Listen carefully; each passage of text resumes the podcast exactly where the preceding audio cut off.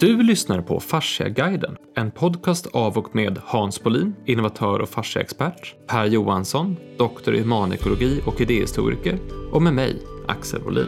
De senaste årens forskning i allmänhet och forskningen om fascia i synnerhet öppnar upp för en ny förståelse om hur kroppen fungerar och ger helt nya förklaringar till sjukdomar, värk och smärta.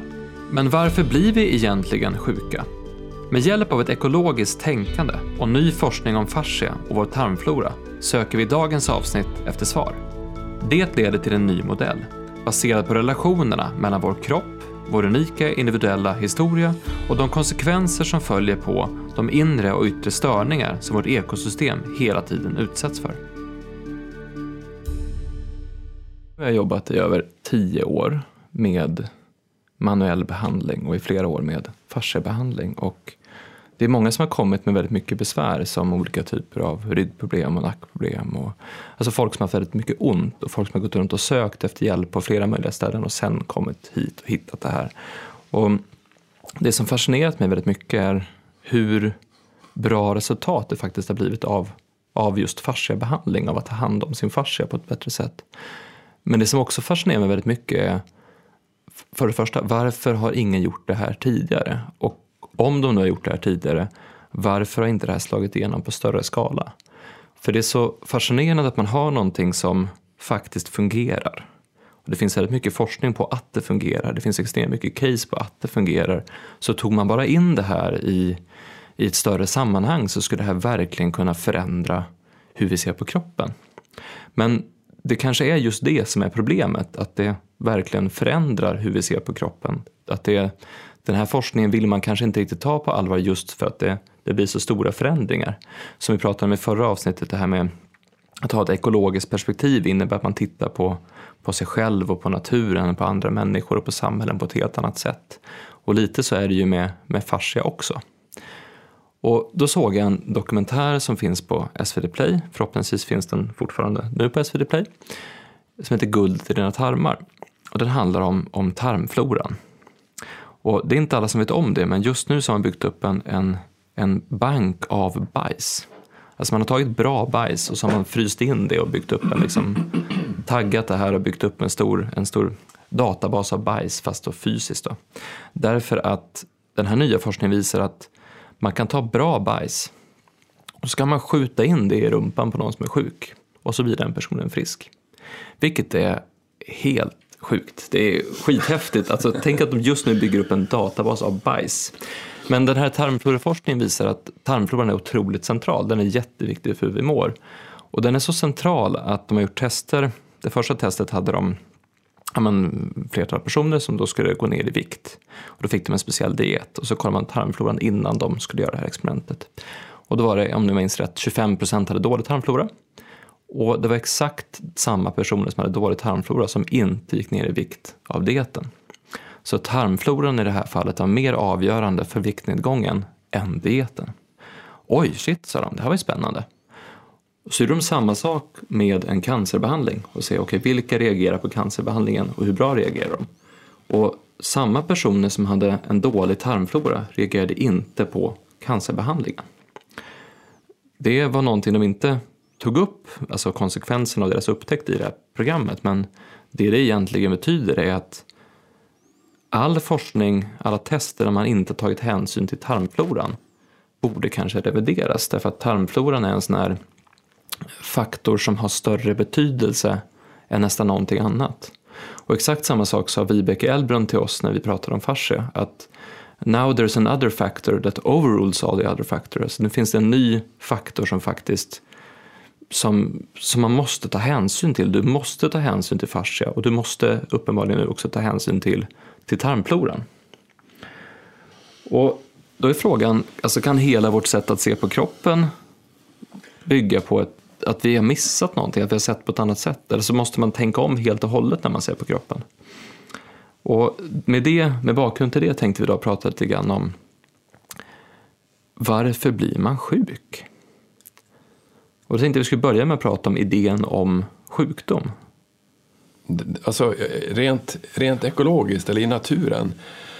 Så det var en jag, jag, jag ringde till, jag, jag, jag, tror jag tog upp, nej, jag ringde till en, en, en, jag hörde om en, någon som var på radio om en, och de hade hittat älgar i Skåne som såg dåligt. Mm. Och då trodde de att de hade ja, de var sjuka på något sätt. Det visade sig att han som har gjort den studien har gjort helt fel. För att de som, alltså egentligen var älgarna var för gamla. Så de var så gamla som såg ingenting. Så det var det är problem. Och då ringde jag upp, då, när jag hörde det på radio, ringde jag upp han som hade kontrollerat, alltså opponerat mot den där forskningen. För att mm. slutsatsen av draget var helt fel. Och så sen så ringde jag upp och han tyckte det var jätteroligt att det ringde någon ifrån Heja utifrån andra parytter och frågade om älgar. Som någon ja. kvasiforskning eller något som han hade tittat på. Då. Men sen, det som är intressant i naturen det är att det finns nästan inget sjukt. Mm. Utan när man hittar, när det, det, kan ju dö någon räv någon gång, alltså i rävskabb, men det är väldigt ovanligt att det är någonting som blir konst, alltså det är någonting som fallerar. Utan naturen brukar fixa saker själv. Så att sjuka djur, det finns inte i naturen. Nej, men det där, det där stäm, stämmer väl med vad jag känner till också. Eh, och eh, det finns ju flera anledningar till det i och för sig. Då en anledning är ju att sjuk, sjuka djur dör väldigt fort i naturen. Ja. Så att säga, av ett eller annat skäl. Det är väldigt svårt att överleva som sjuk i naturen. För det, det, det är, även om man pratar om eh, balans och harmoni och, och att naturen är så bra på alla vis. Så att säga, som ett så positivt begrepp för oss civiliserade människor, en del av oss i alla fall. Så är det ett ganska brutalt ställe samtidigt. Så blir, mm. man överlever inte som sjuk särskilt länge. Nej. Eh, men det är den ena sidan. Men den andra, den andra sidan är ju, är ju att, att eh, eh, alla organismers kroppar har ju sedan årmiljoner år tillbaka helt makalösa försvar mot allt vad yttre, till exempel infektioner och sånt, heter. Vilket innebär att under, under, under, under vad ska man säga, normala balanserade ekologiska förhållanden så, så finns det en massa virus och bakterier och sånt som vi säger att man blir sjuk av när det gäller infektioner. Men, men eh, de är i sådana proportioner och eh, så, i förhållande till eh, vad man skulle kunna kalla, jag vet inte om det är riktigt rätt egentligen, men för enkelhetens skull, då, motståndskraften hos fåglar och däggdjur och reptiler och fiskar och alla olika sorters växter och träd och allting. Alla, alla de här har ju i sig och på sig massor av mikroorganismer hela tiden, precis som vi har. Men, men eh, i ett ostört eh, ekosystem som har så att säga funnits på sina egna premisser under mycket lång tid så är allt det här sedan länge balanserat. Så att eh, det, det, det betyder att, att, att bortsett från det här att om någon blir sjuk så blir man uppäten väldigt fort.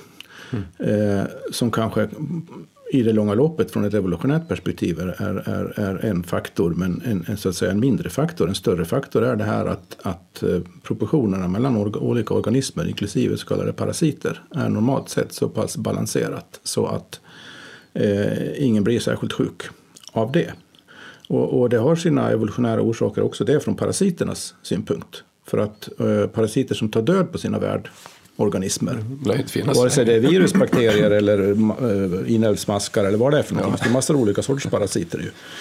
Eh, om, om värdarna dör så dör de också. Mm. Så att det ligger även i parasiternas intresse att, att inte ta död på på folk, höll jag på att säga, men alltså organismer. Inte för mycket.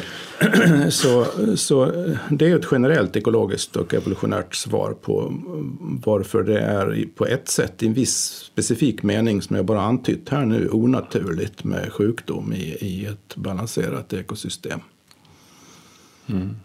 Och det, det, har man ju sett också när människan då eh, ingriper på olika sätt i, i, i långvarigt, lång, vad ska man säga, gamla, gamla ekosystem så uppträder också eh, sjukdomar, inte bara bland människor utan också bland djur.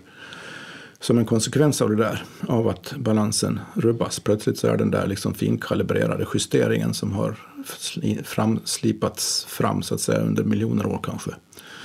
Åtminstone många hundratusen år. Eh, har den rubbats och så plötsligt så, så någonting som har hållits i schack så att säga under den tiden håll, kan inte hållas i schack längre för att det som håller den i schack har, har försvunnit. Till exempel man huggit ner ett träd eller någonting. Mm. Jag tror att ser man, ser man som kroppen, om man tar fascia, om man ser om man ser det som ett ekosystem, om vi är ett ekosystem, vilket vi faktiskt egentligen, alltså ser man det rent som man sa i den, i den dokumentären om mikroben, så, så vi har ju fruktansvärt mycket mikroorganismer i kroppen, både utanpå kroppen och inuti kroppen. Och, och, och det är ju det som gör att vi fungerar, en, en, en symbios med de här, e-, med de här mik mikroorganismerna. Men vi har också vi har ganska mycket vatten i kroppen.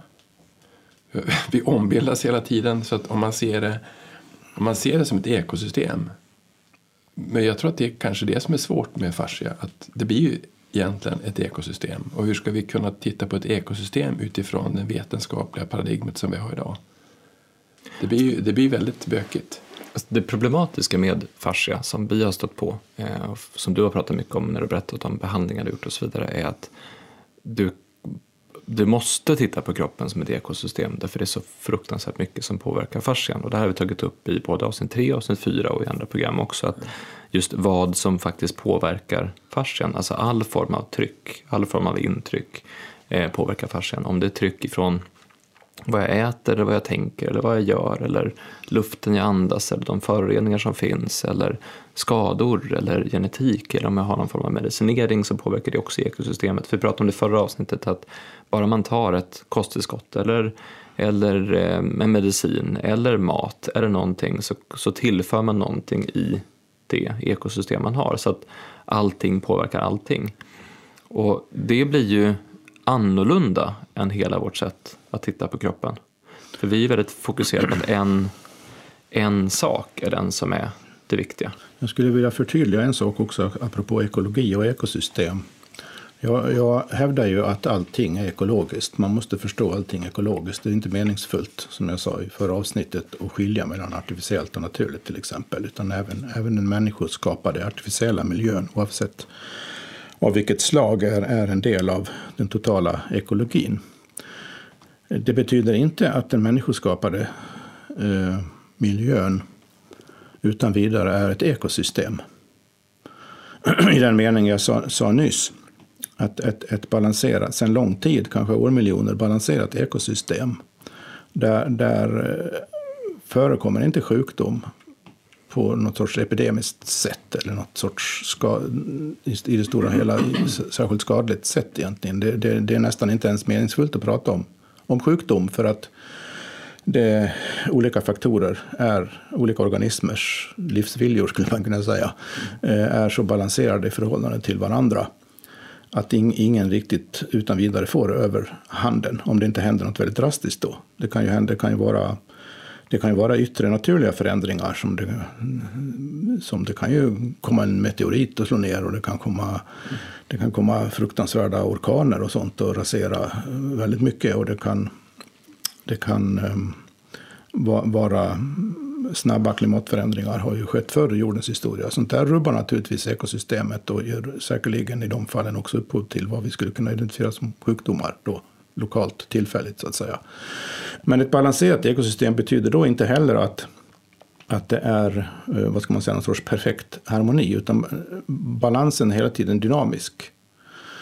Och det som gör det balanserat under lång tid det är att, att du har en extrem mångfald av organismer, inklusive det vi kallar parasiter, som, som eh, kan överleva var och en, bara i en viss proportion till alla andra organismer som finns i ekosystemet. Och det är det som ger upphov till den här dynamiska balansen. Så balansen är hela tiden, den är aldrig fast så att säga. Den, den, den, den skiftar hela tiden på olika sätt. Men så länge mångfalden och de ömsesidiga förbindelserna mellan olika organismer bibehålls ostört utifrån som ett system så ska, kan man säga att det är balanserat.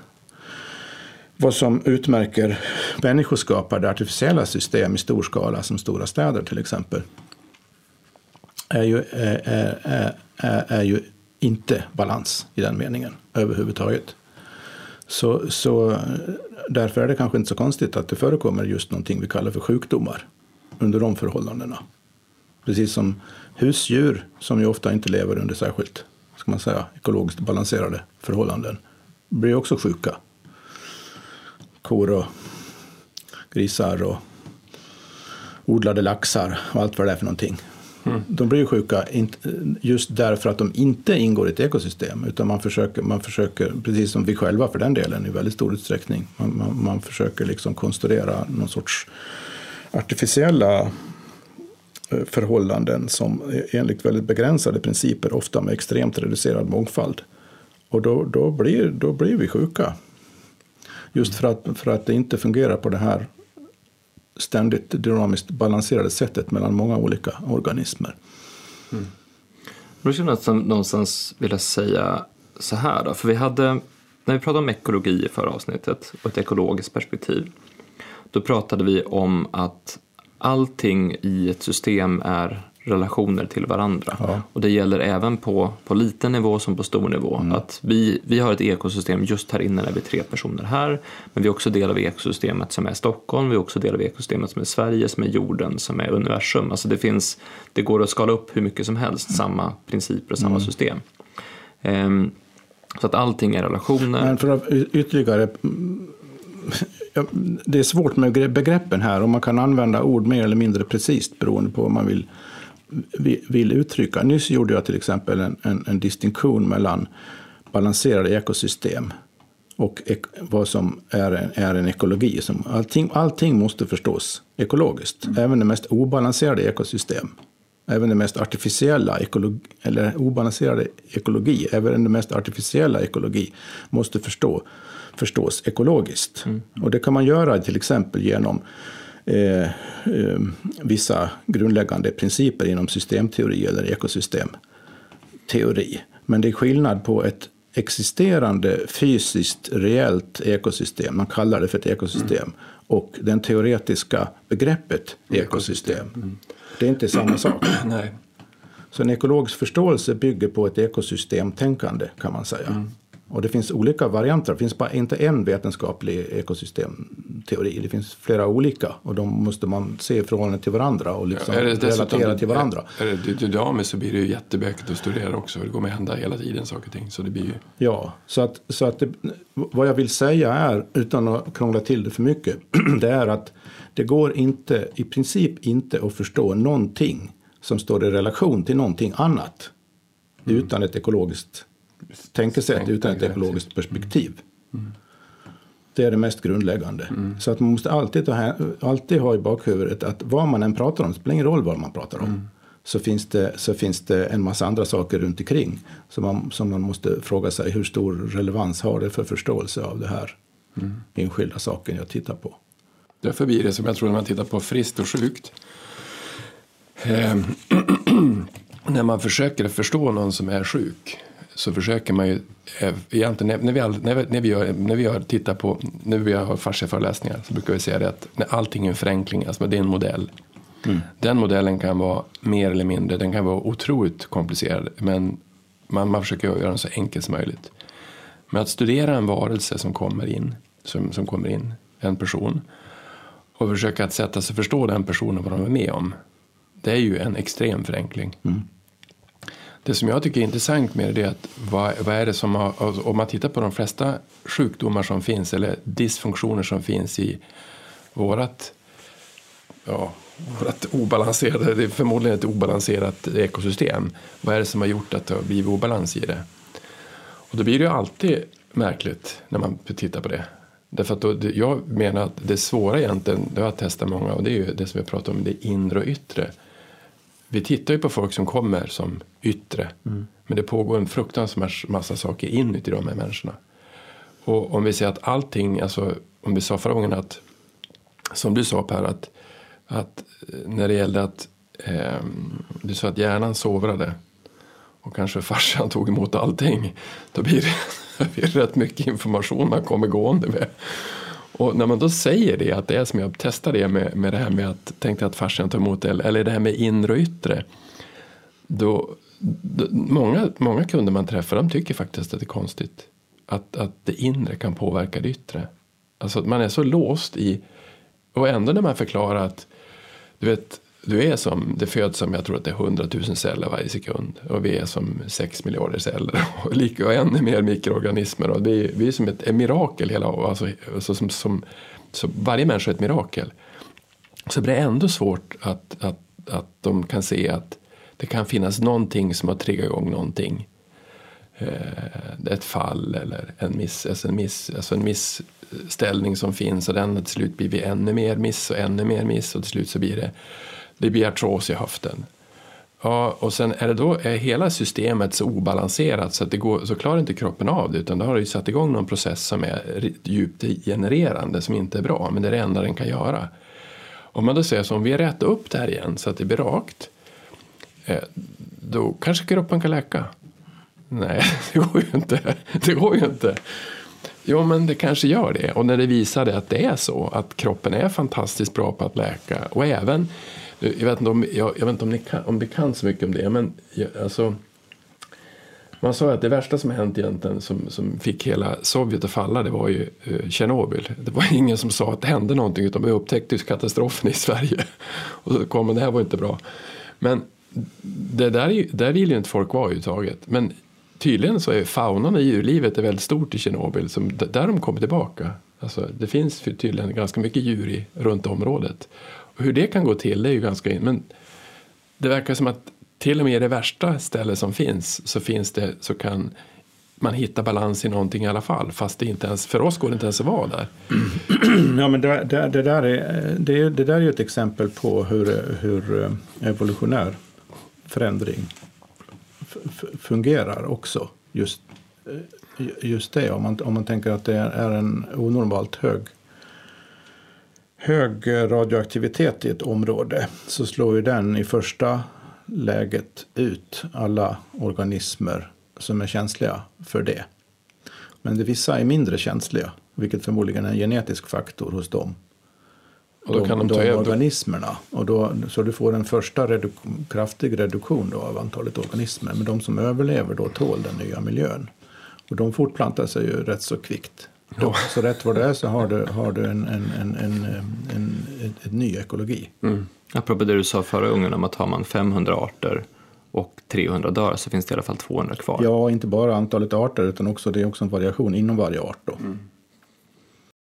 Men att, vi, vi satte oss någonstans ut på det här för vi ska försöka förstå sjukdom. Ja. Och jag skulle vilja testa och bygga en liten modell kring det här nu då. Mm. Där vi har tre olika saker. Det ena är ett ekologiskt perspektiv som är som grundbasen. Så då vill jag först bara definiera det lite snabbt. Vad, vad innebär det här det ekologiska perspektivet? Och då har vi tre saker som, eller några saker som kom från förra gången. Då får du Per kolla om, ja, men, är det tillräckligt heltäckande för att vi ska kunna bygga en modell? Mm. Nummer två är att vi har en kropp. För att om, om, vi ska prata om sjukdomar måste vi nästan prata om våran kropp. Absolut. Och då tänkte jag att man kan prata lite om kroppens förutsättningar som någonstans har byggts upp under alla dessa år. Då kan vi prata lite om fascia, prata lite om immunförsvar, prata lite om hur kroppen fungerar sådär så. Och sen den tredje faktorn i det här skulle jag säga då är störningarna. Alltså vilka störningar finns i ekosystemet, vilka störningar kan finnas i vår kropp, vilka störningar kommer från oss eller från vår omvärld och så vidare. För då kanske vi skulle kunna förstå sjukdom. Så om vi börjar då med ekologin, det ekologiska tänkandet, så tog vi upp förra gången hur allting är relationer till varandra i ett system. Så att man ska tänka på allting i termer av att det har relationer till allting annat och att de här relationerna får konsekvenser. Så att om någonting händer i ett system så kommer det att få konsekvenser. Och det är ingen värdering i det, utan det är bara så det är, att allting har en konsekvens.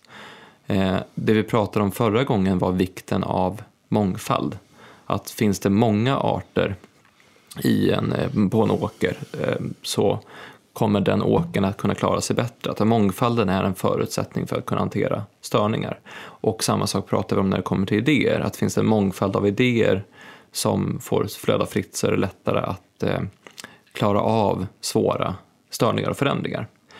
Ehm, är det ungefär det där vi går in i ett ekologiskt ja, det tänkande? det räcker väldigt långt. Bra. Mm. För det andra vi pratar om är kroppen. Och då har vi pratat tidigare om fascians förmåga att ta emot och avlasta tryck. Alltså, och det här är nog inte alla som faktiskt hänger med på och förstår fullt ut och tänkt efter fullt ut på hur otroligt fantastisk vår kropp är precis hela tiden. Du pratar om två miljarder celler, jag har läst någon annanstans att det är 40 triljoner celler. Så det, är, det är fruktansvärt det är säkert, mycket celler i kroppen. Så celler. det, det får ni googla upp och hitta en bra källa på. Men det är fruktansvärt mycket som händer i kroppen precis hela tiden. Mm. Det som jag har läst på mycket om är ju vad som händer eh, med vår struktur, alltså vår, vår fascia kostym som är på oss, hur den anpassar sig precis hela tiden. När jag sitter här nu så anpassar sig min kropp efter hur jag sitter. Eh, flödet håller hela tiden på att bygga om systemet. Det finns ett högt fungerande immunförsvar som hela tiden agerar i kroppen för att ta emot allting vi utsätter den för oavsett om det är att jag, om jag har sovit dåligt eller att jag sitter dåligt eller att jag åker ut för en skada eller att jag får någonting som angriper min kropp så har kroppen system som tar hand om det här. Och ett sådant system är immunförsvaret. Och det är många känner ju säkert till att immunförsvaret hjälper oss att hålla oss friska. Men alla känner inte till hur det fungerar så jag tänkte snabbt bara prata om hur, hur fungerar immunförsvaret? För det här var en en central del som vi bad eh, Camilla Ranjerodin att, att skriva om i våras, alltså våren 2020 för att se. Men om vi hjälper folk att förstå immunförsvaret så kanske man tänker lite annorlunda på sin kropp. Så, eh, så det första är att det jobbar hela tiden. Vårt immunförsvar ska skydda oss mot främmande inkräktare i kroppen så att vi inte blir sjuka. Det är liksom huvuduppgiften. Och det kan vara olika smittämnen, bakterier, virus, svamp, eh, protozoer eller andra parasiter. Eh, immunförsvaret jobbar för att döda tumörceller och då främmande partiklar och gifter kommer in i kroppen eller vi skadar oss och kroppen skapar en läkningsprocess. Vi är hela tiden omgivna av smittämnen och partiklar som kan skada oss och immunförsvaret jobbar alltså dygnet runt för att patrullera av och hålla koll på att ingen främling tar sig in i kroppen. Um, immunförsvaret skiljer på själv och icke-själv. Det här är ganska häftigt på ett sätt. Alltså varje individ har helt unika strukturer på cellernas yta. Tänk dig hur många celler ni har och hur många människor det finns. Varje individ har unika strukturer på cellernas yta. yta. Strukturer som är identifikationer för mina celler, de kallas HLA. Så immunförsvaret lär sig under uppväxten upp till puberteten att känna igen den egna kroppens identifikation. Så kommer det in celler eller partiklar av okänd identitet så kommer immunförsvaret reagera med att attackera och ta död på inkräktarna. Och en inflammation skapas då immunförsvaret reagerar på en infektion eller en överbelastning utan infektion. Och då blir det en ökad tillströmning av blodceller eh, från blod till lymfa och ökad aktivitet. Eh, och det är då man får den här värme, rodnad, svullnad, smärta och funktionsnedsättning. Det kommer av inflammationen. Man behöver inte säga så mycket mer om det, men, men att immunförsvaret arbetar hela tiden för att läsa av okay, vad kommer in i kroppen och hur skapar vi ett så kallade antikroppar för att ta hand om det. Och det här är någonting som som sker hela tiden och som vi pratade om i förra programmet och vikten av att, av att utsätta sig för saker. Eh, när man var liten fick man höra det här med att lite, lite skit rensar magen. Och Per, du berättade om det här med att eh, Eh, man upptäckte att folk blev allergiska för de hade för rent hemma. Så att har man inte tillräckligt mycket skit, och det har man sett med till exempel vissa hundar går runt och slickar lite här och där. Och då har man sett att det har att göra med att de vill skaffa åt sig mer bakterier, för de har brist på bakterier. Och det var samma sak som var i den här tarmflora-dokumentären eh, eh också, att, att det är jätteviktigt att vi har väldigt många olika bakterier i vår tarm som håller oss friska. Så att kroppen är ju gjord för att klara av en extrem påfrestning. Mm. Men då är frågan, vad har vi för störningar idag? Och då, jag satt faktiskt och, och Eh, med en kompis häromdagen på en bar och så sen så testade vi den här idén med, som vi pratade om förut, att, att hjärnan sovrar och tar emot information, men den, den tar bara emot det som vi fokuserar på att ta emot, men att kroppen kanske tar emot allt. Eller för att modifiera det påståendet lite grann, kanske så kan man säga att hjärnan, det kan mycket väl vara så att hjärnan också tar emot allt, men, men i, i det vi är medvetna om hjälper vissa funktioner eh, i hjärnan till att sovra extremt hårt. Ja men precis, vi, vi tar förmodligen emot allting men vi är bara medvetna om att vi tar emot vissa saker. Och då eh, testade vi det och se, för vi pratade, satt och pratade med varandra på en bar och så sen så, så där, vi tittade så. Och så sen, eh, ja men då slutade vi prata och fokusera bara på ljud. Och så hörde man all musik, allt skratt, andra samtal, det var en tv som stod på, det var trafik utanför. Och det gick ju att höra bara man bara man skiftade fokus. Och sen så satt jag och pratade med min kompis och hade då tänkt på att jag faktiskt upplevde det här ljudet och hörde ljudet också samtidigt som vi satt och pratade. Så att då var jag bara lite mer öppen och medveten för allt jag tog in och insåg att jaha, jag har inte jag tagit in det här hela tiden, bara att vi har suttit och pratat. Och det gick ju, det gick ju lika bra att fokusera på vårt samtal, även fast jag var medveten om alla ljud jag tog in. Så att kapaciteten för att ta in saker är nog ganska stor. Mm, men man ska också komma ihåg då i en sån situation, och vi är ju i sådana situationer nästan hela tiden på ett eller annat sätt om man bor i en stad, till och med hemma, så, så eh, allting, allting eh, det går åt energi för allting. Så att eh, den här medvetna koncentrationen kräver också energi. Det vill säga, ju mer man måste utesluta, ju mer information man måste utesluta, desto mer energi går det åt, så att säga. Om man, om man, det, det, kan, det där känner ju alla igen om man är i en, ett, ett rum med massor av folk där det pågår en massa olika konversationer och samtal. Så fokuserar man som bara den på den man pratar med för stunden och, och zoomar ut från, eller in snarare kanske, mm. från allt det andra. Och, och eh, efter en sån kväll är man rätt så trött. Trött, precis. Mm. Och då är man ju inte trött av att ha pratat med kanske fem personer lite mer koncentrerat. Utan man är trött över alla 200 andra samtal som man har varit tvungen att så att säga skärma av. Mm. Så, så med andra ord, att utesluta intryck är, är en stressfaktor egentligen. Mm. Och det är det som är så fascinerande idag. Om de går då, över en viss gräns. Vill säga. Ja. För då, då var det en annan sak som vi tog upp under det här samtalet när vi pratade om just det här. Var vilka, alltså hur vi, vad vi hör och inte hör. För ibland kan man ha samtal med någon och så upptäcker man att personen har inte hört någonting av det vi har pratat om. För då har någonting annat tagit fokus under en stund. Till exempel en vanligaste är en telefon. Det kan nog de flesta känna till. Att, att man kan sitta och prata med någon och så sen så, så är som telefonen där som en som en buffert mellan samtalet, att personen tittar på sin telefon eller får en massa meddelanden eller, eller någonting sånt. Och det här, det här händer ju hela tiden och då var det någon annan som gjorde en, en studie som visar på att bara faktumet att vi har en telefon stjäl vår uppmärksamhet. Alltså även om den ligger i fickan eller på bordet så tittar man dit ibland just för att man har blivit så van ja, Vilket få... betyder att man, det krävs en ansträngning att låta bli att titta på mobilen. Mm. Och om man då tittar, om man nu har den eh, ekosystems, den ekologiska aspekten, det ekologiska perspektivet av vad som händer med vår kropp och störningar så finns det fler störningar idag än det fanns för 10 år sedan. Mm. Finns det fler störningar idag än det fanns för 20 år sedan? Och finns det fler störningar idag än det fanns när vår kropp faktiskt anpassade sig för att hantera alltihopa? Så att någonstans är ju vi är ju konstant utsatta för väldigt mycket störningar som tar väldigt mycket energi. Enormt stora experiment egentligen. Mm. Alltså om man tittar på vad som har hänt de senaste tio åren så är det helt makalöst. Jag tittar bara på hur du och, ni är bara sex år mellan dig och, och Ivar.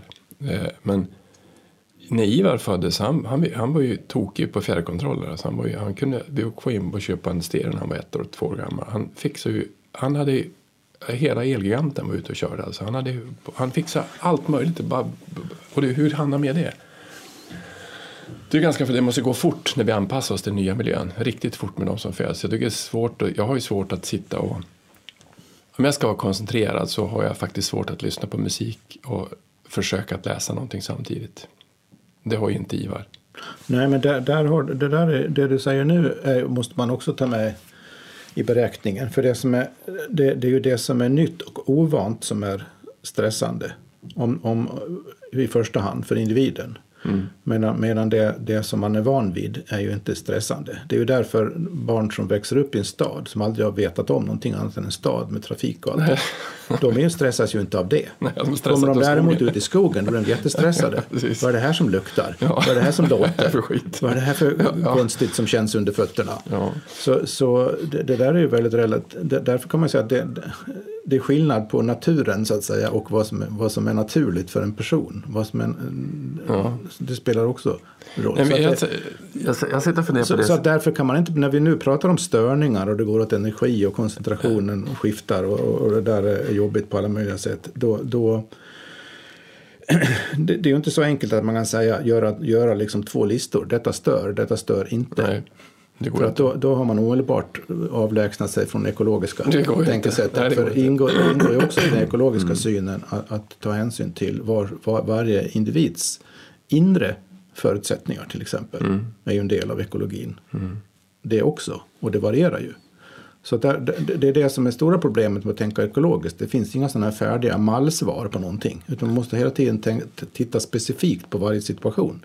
Om man till exempel är intresserad av ett ekologiskt perspektiv i, i ett visst samhälle, eller en viss del av ett samhälle, så måste man specificera allting ner till individnivå egentligen, inklusive alla möjliga egenheter individerna har. Det är först då man kan börja nysta i det. Och där måste man ju dra en gräns såklart för, för, för hur, man ska, hur mycket man klarar av att tänka på samtidigt. Och det är, det, det, är- det är därför det finns generella ekologiska modeller då av, av, samband och sånt där som gör att man kan säga vissa, göra saker, säga vissa saker om, om, om, om hur det systemiskt fungerar. Däremot så går det som regel inte att översätta det då till, ner till individ eller gruppnivå eller något sånt. Men, men det, det, det viktiga för mig är att ha den här ekologiska principen i bakhuvudet hela tiden. Så att om man, även när man ställs inför individuella fall så att säga. Så innebär det att man, det innebär inte att man kan förklara vad det individuella fallet. Man kan aldrig kunna förklara allting. Nej. Det är inte det det Nej. handlar om. Utan, ut, utan det handlar om att man, att man, när man ställs inför en individ med viss problem, med viss sjukdom eller vad det än är för någonting. Så så, så måste man tänka vilka, vilka faktorer är det som är i spel här? Och det finns inte bara, om, om någon har blivit till exempel fått en infektion, då finns det inte bara två faktorer. Det finns inte bara eh, bakterien eller viruset och personen. utan det finns ju allt, det, det finns massa ytterligare fa- faktorer i sammanhanget som man måste ta hänsyn till. Det spelar ingen roll vad, vad det är för fråga man ställer, vad det är för sammanhang. Så, så medvetenheten om att det är komplext, att det är många olika faktorer och att det är omöjligt att veta innan man har undersökt saken exakt vad det är som är i spel. Jag vill revidera min modell nu, känner jag. Vi hade ju det ekologiska tankesättet och sen pratade vi om kroppen och kroppens förutsättningar, hur kroppen fungerar, och så pratade vi om olika störningar. Men vi måste få in individen i det här också. Därför att jag tänkte bara på det här du sa med ehm, att vad som kan vara störande för dig kanske inte är störande för mig. Alltså då är det bara en sån sak som hur man tacklar en utmaning eller hur man tycker att det är när någonting blir svårt. Alltså vissa tycker ju att utmaningar och hinder är det mest fantastiska som finns för då, alltså vissa mår ju nästan bra när det är kriser, när det är tufft, när det är mycket när det är jobbigt. Det är då- man liksom får ut som mest av sin kapacitet, det är då allting ställs på sin spets, det är då man liksom Både inom idrott eller inom arbetsliv eller inom, inom krissituationer så finns det vissa som verkligen är absolut bäst när, när liksom kniven är mot strupen. Och vissa människor är ju, blir ju alltså blir totalt utslagna av ett sånt tillfälle. Och vissa vill ju verkligen ha det väldigt, väldigt lugnt. Och vissa vill alltid ha mycket fart och fläkt. Både i hur man, och vissa saker kanske är idéer som man följer, men vissa saker kanske också har att göra med att man är olika. Och då måste ju det in i, i förståelsen här också. Så det är ju inte, det är inte superlätt att förstå eh, sjukdom egentligen. Nej, det är väldigt svårt att förstå allting. Det är väldigt svårt att förstå allt, men jag tror att det som, jag tror att det som man har studerat minst är ju friskhet. Alltså hur, hur, hur, vad, är ett, vad är ett dynamiskt friskt system? Alltså hur jag kan, hur jag kan vara mest utav mig själv. Eh, hur, är jag, hur är jag mest Hans? Hur, hur är jag minst någon annan? Hur är jag mest individ? Och jag tror att det svåra egentligen, när man, det, det, är- dels är det någonting som Alltså så, fort, det, alltså, så fort man pratar om det, alltså så pratar om helhet och pratar om hur saker och ting eh, är. Så helhet precis på samma sak som inre och yttre. Att prata om inre kan vara flummigt. Helhet kan också bli flummigt. Alltså det, det är nästan så- ha en sån här flumputte som pratar om helhetssyn. Alltså det, Det är därför jag betonar motgiftet mot det. Det är det här att, att, att ett ekologiskt tänkesätt, så som jag menar, kräver specificitet. Alltså det är därför ett ekologiskt tänkesätt kan aldrig bli flummigt. För ett ekologiskt tänkesätt handlar i sig inte om helheter egentligen. ut- I Utan- sig. utan Utan, om hur alla möjliga väldigt specifika detaljerade saker förhåller sig till varandra. Det är också därför att, att, att all, all, det innebär ett historiskt tänkesätt. Samtidigt. För, för att eh, det, allt, allt som sker, allt vi är med om har, har en historia bakom sig. Och den är specifik. Det är det som är liksom nästan definitionen av historia jämfört med någon sorts teoretiska system. Det är att historien är specifik. Och ekolo- ekologin är också alltid specifik. Och det är det vi så lätt glömmer bort i det här generaliserande, teoretiserande tankeklimatet vi lever i nu. Att, att, att eh, man tror att man kan förstå allting eh, i någon sorts allmänna termer. Och det är inte så att det, man behöver ha ett tänkesätt som arbetar med allmänna termer också och generella teorier. Det är inte det att jag säger att det ska man inte ha. Men ju, ju mera historiskt och individuellt eller samhälleligt specifik en fråga är, desto viktigare är det att titta på historien och de faktiska ingredienserna i sammanhanget. Och, och sen kan man hålla på och relatera det till olika teoretiska, mer allmänna principer. Men om man, om, man, om man inte relaterar till det specifika sammanhanget, då, då tappar man egentligen själva verkligheten i det som händer. Men då blir ju, vi har ju haft en modell som jag tagit upp mycket på föreläsningar också som heter trappan. Eh, Jag vet inte om jag tagit upp den tidigare i podden men jag repeterar det i alla fall för det kan vara bra att göra. Eh, Trappan är en modell som förklarar hur du går från frisk till sjuk. Så att längst upp på trappan så är du frisk. Då är du alltså superfrisk, så frisk som kanske ingen av oss i vårt samhälle är, men jätte, jättefrisk. Och sen så längst ner på trappan så är du dödssjuk, alltså det är, då är det, det är kris liksom. Och det här kommer från ett möte vi hade med en kvinna för några år sedan som kom och berättade om att hon hade, hon hade ett problem, en diagnos, och den undrar om kan ni hjälpa med diagnosen? Och så sa vi, ja, det är mycket möjligt, det kanske har någonting med fascia att göra, men, men berätta lite mer om hur, eh, hur hamnar du här då? Och då när hon började berätta så hade vi ritat upp vad hon hade varit med om. Och då var det allt ifrån att hon hade haft en bilolycka för 15 år sedan och sen hade hon jobbat och bränt ut sig och sen har hon tagit tillbaka upp från det, sen har hon bränt ut sig en gång till och sen hade hon fallit och slagit sig och sen hade hon eh, varit sängliggande och sen hade hon varit sjuk och sen har hon haft det och det. Så att bakom den här diagnosen så fanns det alltså kanske 20 år av en historia med allt ifrån sömnproblem och ryggvärk till, till att vara sjukskriven till att, alltså det, det var verkligen, det var en lång och bökig historia för att komma till den punkten. Och då tog vi fram en modell, en enkel förklaringsmodell som heter trappan, att du är, du är frisk, allting är kanon. Men sen så är du, eh, du kanske inte är 100% frisk, och du kanske inte är så där noga med kosten som alla vill vara, men kanske inte eh, har ork och tid att vara, och du kanske har stressat lite mycket eller sådär, så du, du kommer ner på en nivå att du, du får inte tillräckligt mycket motion, du kanske bara inte, inte mår så här 100% bra. Och där kan du vara. Tills det blir lite för mycket någon gång. Tills du har en deadline du måste hinna med så att allting blir bara jättemycket stress. Och då faller du ner ett trappsteg och det trappsteget är det trappsteg där du får svårt att sova. Och när du får svårt att sova så kan du inte läka dig själv på samma sätt och då, då kanske den här ryggverken som du känner lite då och då, den blir permanent. Eller som i ditt fall, du pratar om att du hade migrän till exempel. Då, då är man som nere på ett nivå att nu, nu börjar det bli så. Och om du inte kan sova och har ont i ryggen, då blir det ännu svårare att motivera dig själv till motionen till, till sådär och då kanske du snarare vill ha någonting bara för att ja men fan ge mig någonting som jag mår bra då. Så då dricker du lite mer vin helt plötsligt eller äter lite mer socker eller gör någonting sånt och då faller du ytterligare ner en sekund och sen så får du en diagnos. Och när du får en diagnos så börjar du få medicinering för den och så, sen så blir det en konsekvens och så vidare. Så att, så att den här spiralen neråt är ganska lätt att hamna in i då.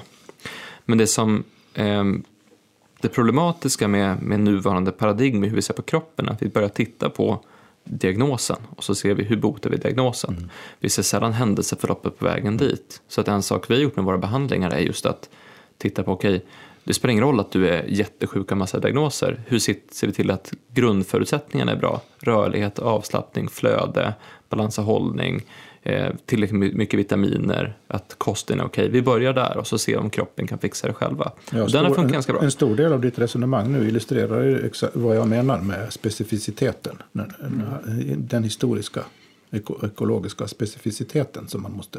Men det finns, det, det, det, som jag, det, som jag, det finns ett, ett, en som jag, vi brukar köra på fascia-workshopparna.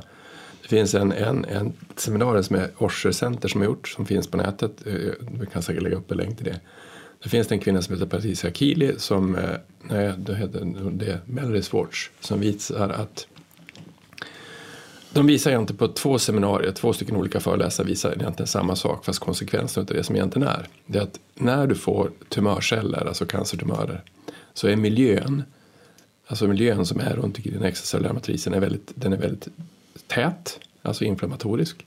Det är högt tryck och det är surt.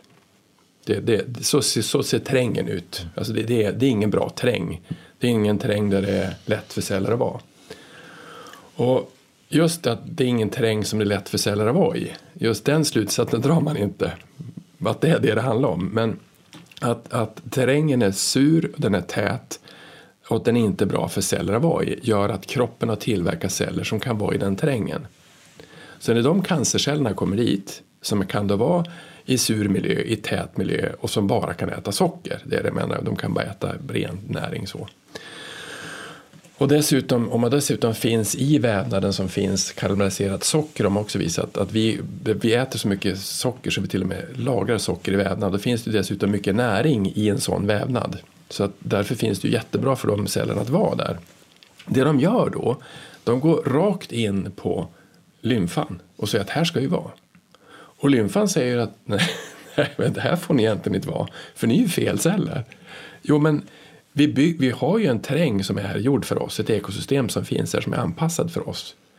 Men säger lymfan, men ni ska inte riktigt vara här. Så att lymfan har sett att de inte var där, men den reagerar inte. Så de, de, hon, hon, räknar, hon visar att hon säger att det är ungefär som en, en grov kriminell. Gå in på polisstationen och säga att här är vi. och polisen säger okej. Okay. men och det som egentligen konsekvensen av det är att dels har det tagit lång tid för eh, kroppen att bygga upp den typen av struktur. Att det till slut inte är en, en enda cell som kan vara där. Att sen så livet är så fascinerande så det hittar på en ny cell som kan vara där.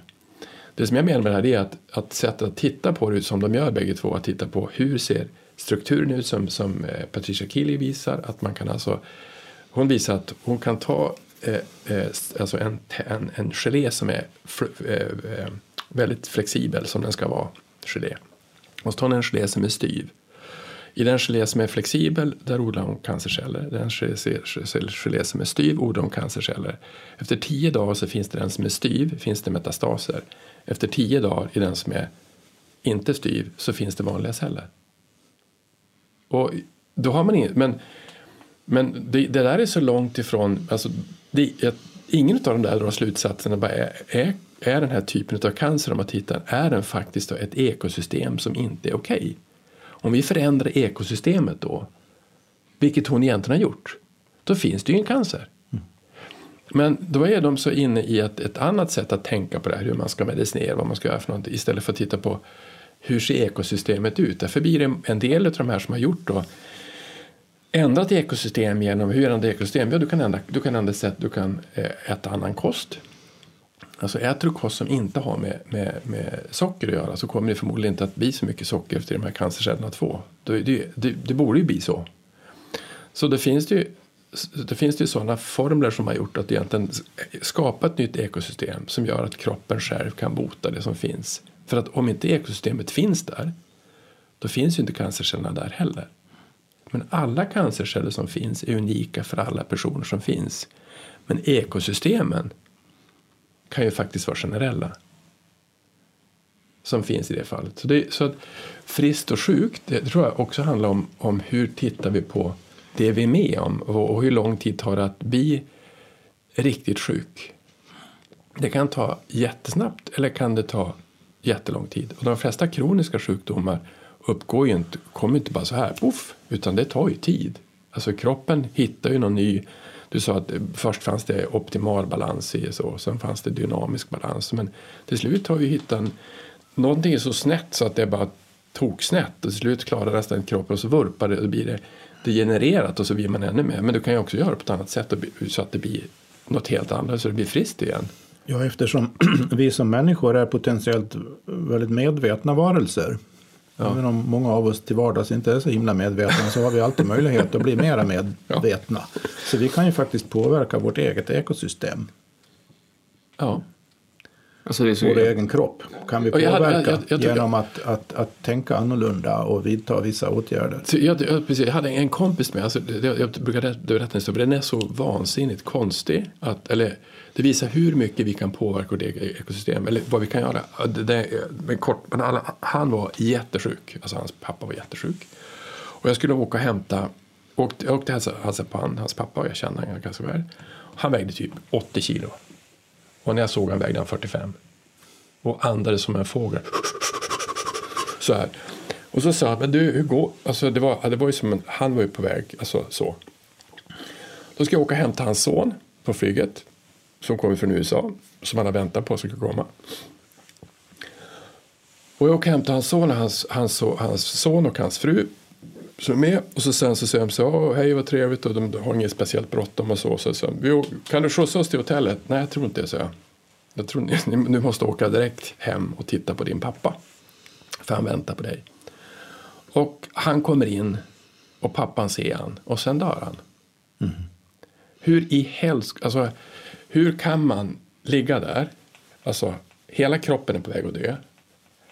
Men han håller sig till liv precis till hans, han, när sonen kommer in. Och någon minut efter så dör han. Det är helt makalöst. Mm. Hur, hur, går det till? Hur kan man, hur kan man göra det?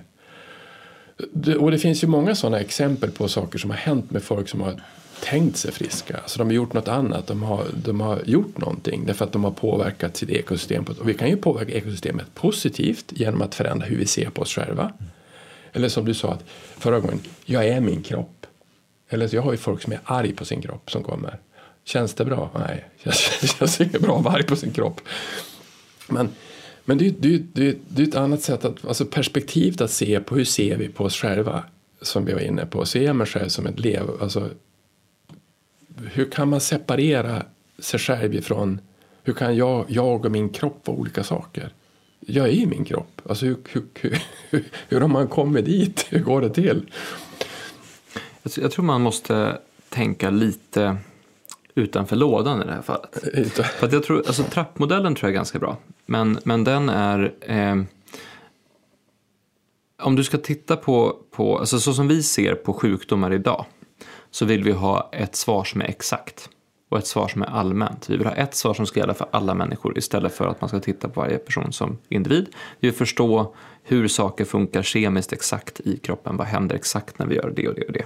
Och det här kräver en viss typ av kompetens. Men ska du titta på, på trappan och titta på eh, din individuella bakgrund till varför just du har den här sjukdomen. Inte varför får man cancer, utan varför har du fått cancer? Då måste man vara mer öppen, nyfiken, utforskande, eh, mindre eh, rätt och fel, alltså mer liksom, eh, ja det kan vara så eller så, mer, man, man, man kan inte vara exakt utan du måste vara, du kan vara specifik och du kan ha sådär. Men det här kräver också en kompetens, det här kräver jättemycket kompetens men en helt annan typ av konsekvens. Och jag tror att ska man titta på problem så ska man göra någonting helt annorlunda. Och det här blir en, nu blir det en annorlunda metafor här, som folk kanske kan ha lite hjälp med för att förstå just det här med cancer eller sjukdomar eller, eller problem som varit länge. Och det är, jag såg en film härom, häromdagen, som jag sett många gånger förut, eh, som heter Batman Begins. Och den handlar om cancer. För den handlar om korruption, organiserad brottslighet och hur de kriminella sitter och polisen kan inte, de vet exakt vad de är, men de kan inte ta dem. Det finns, ett, alltså det finns en uppbyggd organiserad brottslighet, en uppbyggd korruption, en uppbyggd cancer. Alla vet om att den finns, alla vet om att den är destruktiv. Alla vet om att det här är hemskt. Men ingen kan göra någonting åt det, för alla vill jobba inom samma system och från samma tankesätt. In kommer det andra perspektivet, Batman, som gör precis tvärtom mot vad alla gjort tidigare. Och det för när du beskrev cancern och hur, hur, hur den reagerar, hur den har växt fram, hur det har byggts mm. upp, så bara såg jag den här bilden framför mig av de här maffiabossarna i Batman Begins och hela den biten. Eh, och det är inte en total utplåning av systemet som är den här onda karaktären Ra's al Ghul som är han som vill, han vill utplåna Gotham.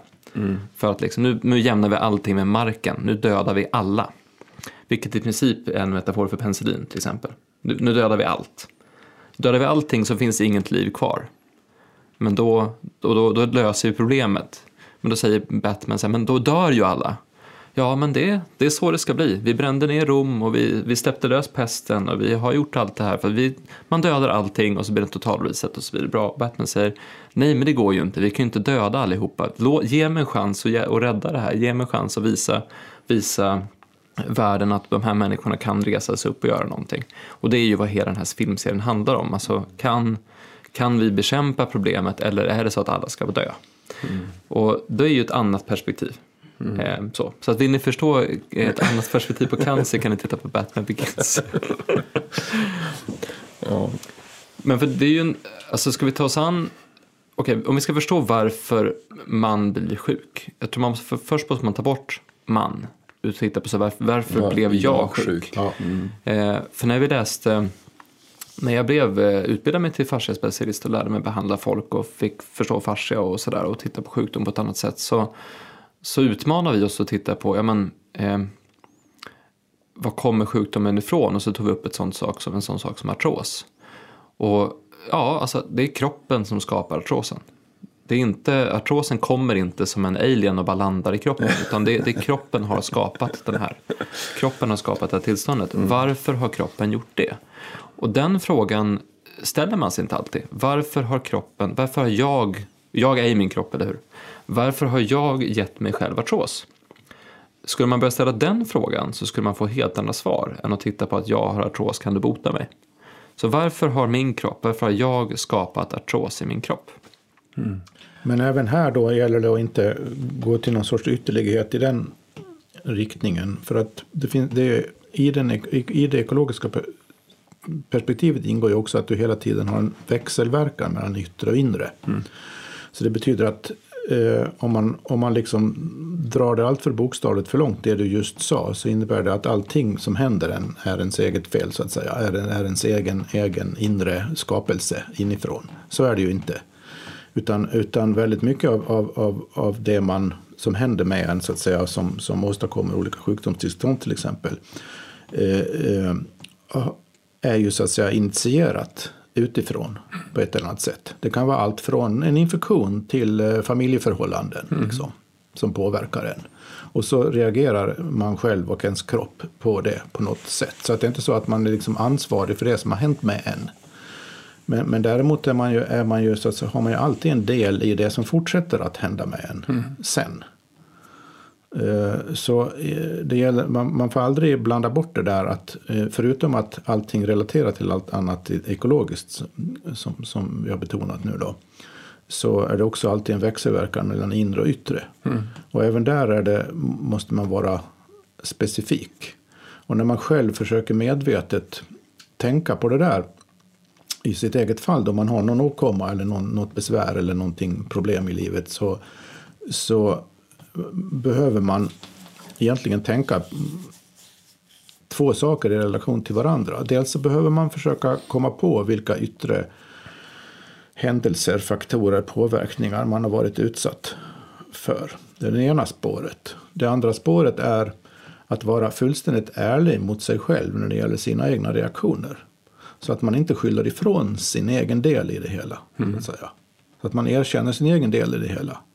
Men att erkänna sin egen del i det hela är ju sällan samma sak som att säga ja det är bara mitt fel.